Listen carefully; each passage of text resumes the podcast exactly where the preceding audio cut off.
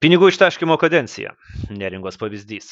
Mano tyrimas kaip kadencijos metu buvo taškomos savivaldybės lėšos kaip klestėjo draugų įmonės o karantino metu būdavo privažinėjami ir kompensuojami tūkstančiai kilometrų. Taip jau nutiko kad prieš debatus teko labai įsigilinti į vienos savivaldybės konkrečiai neringos tarybos narių išlaidas ir jų kompensavimo tvarką. Šitas tyrimas yra susijęs tik su viena savivaldybe bet aš neabejoju kad panašus chaosas pinigų taškymas ir fiktyvūs prirašymai tvyro daugumoje jei ne visose šalies savivaldybėse. Pradėkime nuo to, apie kokias sumas mes kalbame. Neringos tarybos reglamentas numato, kad tarybos nariui išlaidoms, tai yra kompiuterinės įrangos nuomai, transporto išlaidoms kanceliarijai galima skirti iki 0,4 vidutinio darbo užmokesčio. Kadangi jis keičiasi, tai maksimalios lubos per 2019-2022 metų kadenciją buvo apie 27 tūkstančius eurų. Kai kurie neringos tarybos nariai išnaudojo iki 90 procentų leistinų lėšų, o bendra išleista suma yra beveik 250 50 tūkstančių eurų. Vienoje iš mažesnių savivaldybių, kurioje yra 15 tarybos narių. 2019 m. duomenimis Lietuvoje buvo 1502 tarybos narių vietos. Tai jeigu visi dirba taip kaip neringoje, o kodėl turėtų būti kitaip, mes kalbame apie labai rimtą 25 milijonų eurų sumą.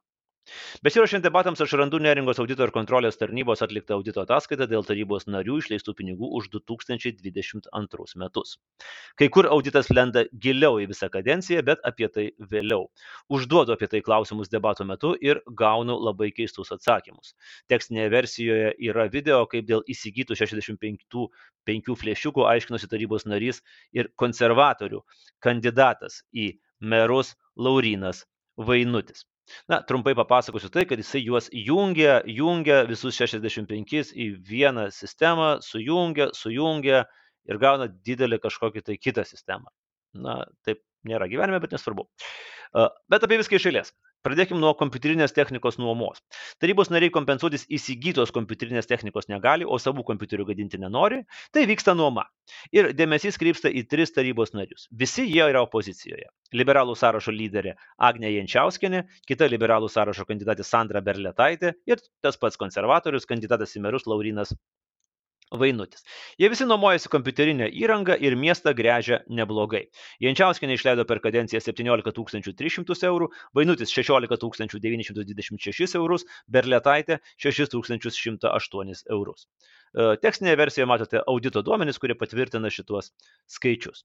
Kas yra įdomu, visi trys įrangą nuomojasi iš Dovilų miestelėje esančios įmonės UAB ITNC Service, kuriai per trejus metus sumokėjo 40 tūkstančių miesto eurų už kelių kompiuterių ir telefonų nuomą.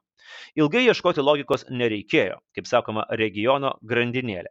Agne Jančiauskinė dirba Klaipėdos žvėjų rūmų ūkio dalies vedėja. O įmonės itnc service savininko vilmanto jakšto žmona kristina jakštė žvejų rūmų direktoriaus pavaduotoja. Jos ne tik kolegės bet ir geros draugės. Kartu leidžia laiką knygų mugėje ir pramogauja mamą apdovanojimuose. Nuotraukos yra pateiktos. Štai ir žadėtas naujas požiūris į skaidrumą ir politiką. Skyriaus lyderė sudėlioja primityviausią schemutę kaip pasisavinti miesto pinigus Sandra Berletaitė tikina, kad apie šitą įmonę išgirdusi iš tos pačios Jančiauskinės. O Laurino Vainučio paaiškinimas dar fantastiškesnis. Jis sutiko įmonės savininką Avitelos parduotuvėje ir taip užsimesgė jų dviejų ryšys ir bendradarbiavimas. Ką nuomojasi ir ką aiškina patys politikai. Jančiauskinės nuoma sudaro 300 eurų per mėnesį ir jį ginčyje audito suskaičiuotą sumą, savo, kad čia nesąmonė 17 300 eurų. Vainučio suma sudaro 388 eurai per mėnesį ir jis nesiginčia, kad išleido beveik 17 tūkstančių eurų. Jančiauskinės teigimu jį nuomojasi. Nečiojama kompiuteris su operacinė sistema 121 euras, MS Office 12 eurų, čia viskas per mėnesį, aišku. Zoom programos licenzija 18 eurų, spausdintuvas skeneriai 30 eurų, toneriai 15 eurų, popierius 5 eurai.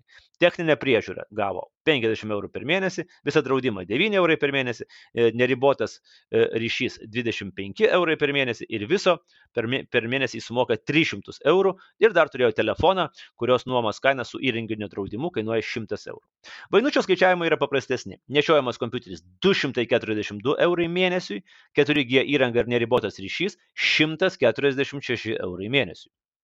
Į klausimus ar nebuvo ieškota pigesnės nuomos ir kodėl būtent buvo pasirinkta draugės vyro įmonė jančiauskienė neatsakė. Kodėl tarybos nariams reikėjo tokių naujų galingų kompiuterių? Tiek įrangos priminsiu 4G įranga 100 kem 6 eurai mėnesiui ir tai truko visą kadenciją 36 mėnesius. Jie neatsakė. Tik Berletaitė paaiškino, kad jai tarybos posėdžiuose norėjusi turėti naują kompiuterį su mažesnė įstrižainė, kad būtų patogiau. Primenu, kad tarybos posėdžiai vyksta kartą per mėnesį, dar keli komitetų ir komisijų posėdžiai per mėnesį, todėl galima drąsiai teikti, kad didžiąją laiko dalį tarybos nariai naudojasi šią įrangą asmeniniais tikslais. Dar primenu, kad įprastas kompiuteris kainuoja apie 1000 eurų, telefonas irgi apie 1000 eurų. Mes kalbam apie 40 tūkstančių eurų trim žmonėm. Paviešinus šią informaciją kilo didelis triukšmas. Liberalų atėjo ginti jų žmonos, vyrai ir mamos.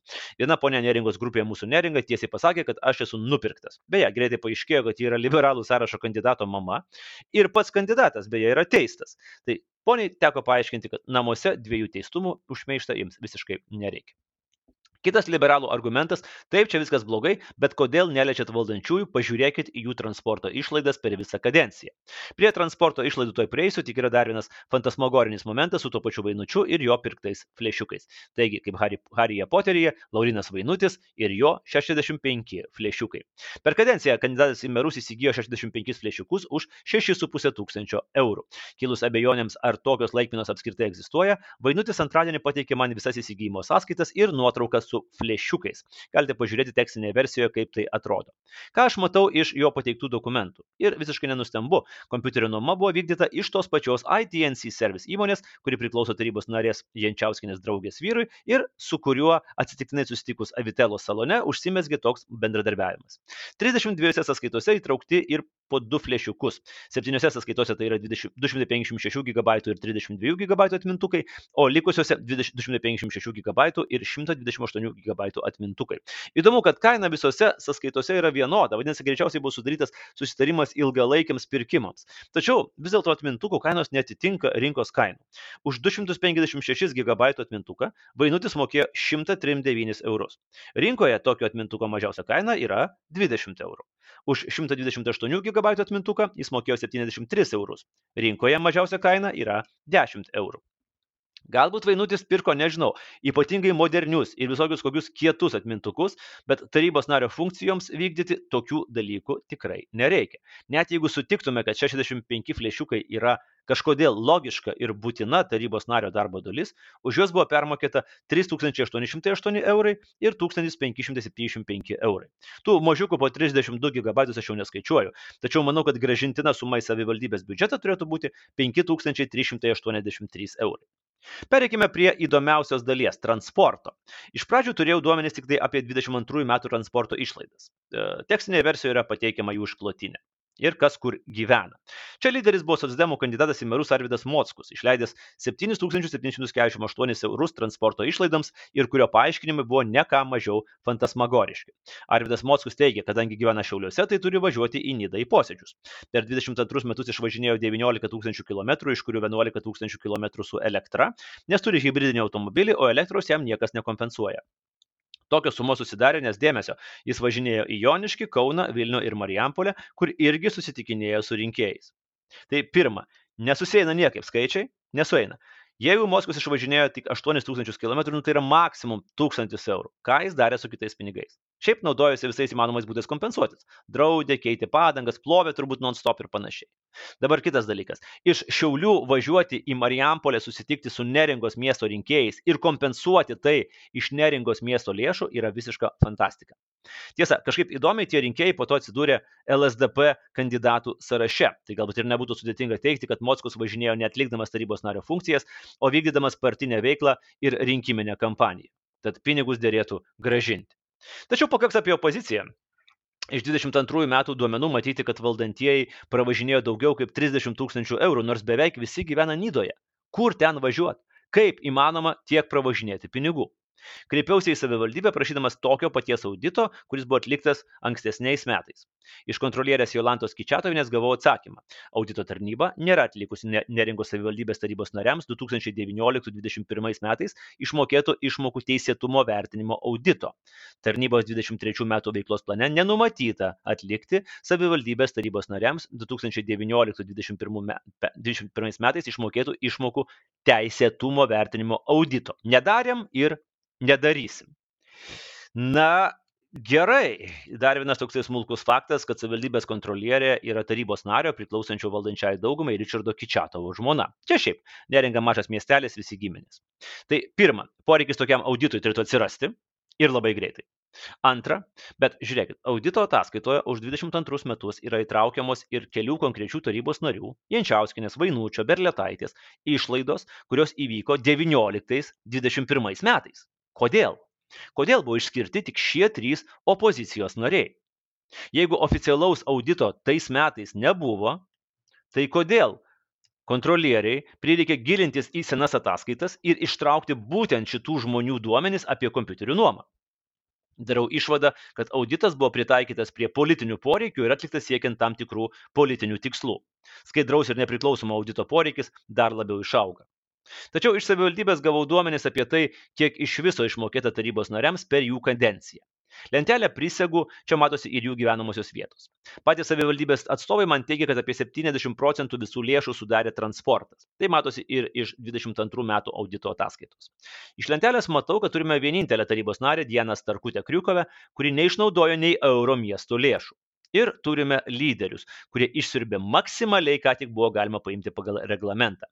Lentelė yra paryškinti valdantieji, o lentelės lyderiai yra Vainutis 24 812, e, valdantieji Valančius 24 807, Venskus 24 782, e, opozicija Liberalas Mikelis 24 665, vėl valdančioji Mikalauskinė 23 147, Jančiauskinė jau minėta 21 000 tūkstantis Burkšas valdantysis 18908 ir Mockus socdemas 15302, bet jis atėjo tik kadencijos viduryje, tai labai sparčiai vyjosi kolegas pagal miesto lėšų įsisavinimą. Su Vainučiu ir Jančiauskinė mes jau išsiaiškinom, absoliučiai didžioji pinigų dalis nuėjo į draugės vyro įmonę. Dabar kiti. Remdamasis 22 metų audito duomenimis ir jų teikiamų 71 procentų skirto transporto išlaidoms, teigiu, kad transporto išlaidoms padauginus iš 0,71 koeficiento per kadenciją keturi pagrindiniai valdantieji išleido. Valančius 17,6 tūkstančio, Venskus 17,6 tūkstančio, Mikalauskinė 16,4 tūkstančio, Burkšas 13,2 tūkstančio eurų transporto išlaidoms. Opozicijos narys liberalas Mikelis išleido 17,5 e, tūkstančio, Mockus 10,8, bet iš šio paaiškinimo jau žinome, kad jis už neringos miesto pinigus iš Šiaulių važiuodavo į Marijampolę susitikti su rinkėjais. Bendrai keturi išlaidžiausi valdantieji per kadenciją transportui išleido 64 876 eurus.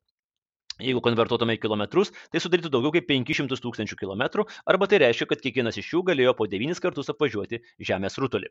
Priminsiu, kad Mikalauskinė, Valandžius ir Burkšas gyvena Nidoje, o Venskus su Mikeliu Juotkrantėje. Taip pat kilo abejonė, ar apskritai Mikalauskinė turi savo mašiną, bet tai dar reikės patikrinti. Ir čia mes prieiname prie įdomiausio ir dėja tarybos nariams nemaloniausio momento.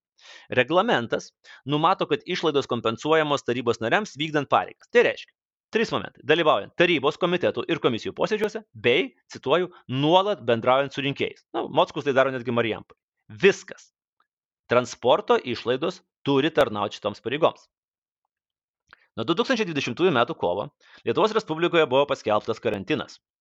Didžiąją 20 metų dalį, taip pat visais 21 metais ir dalį 22 metų buvo pribotas judėjimas, kontaktai, o darbas vyko nuotoliniu būdu. 22, 20 metais 7 iš 12 neringos tarybos posėdžių vyko nuotoliniu būdu. 21 metais visi tarybos ir komitetų posėdžiai vyko nuotoliniu būdu.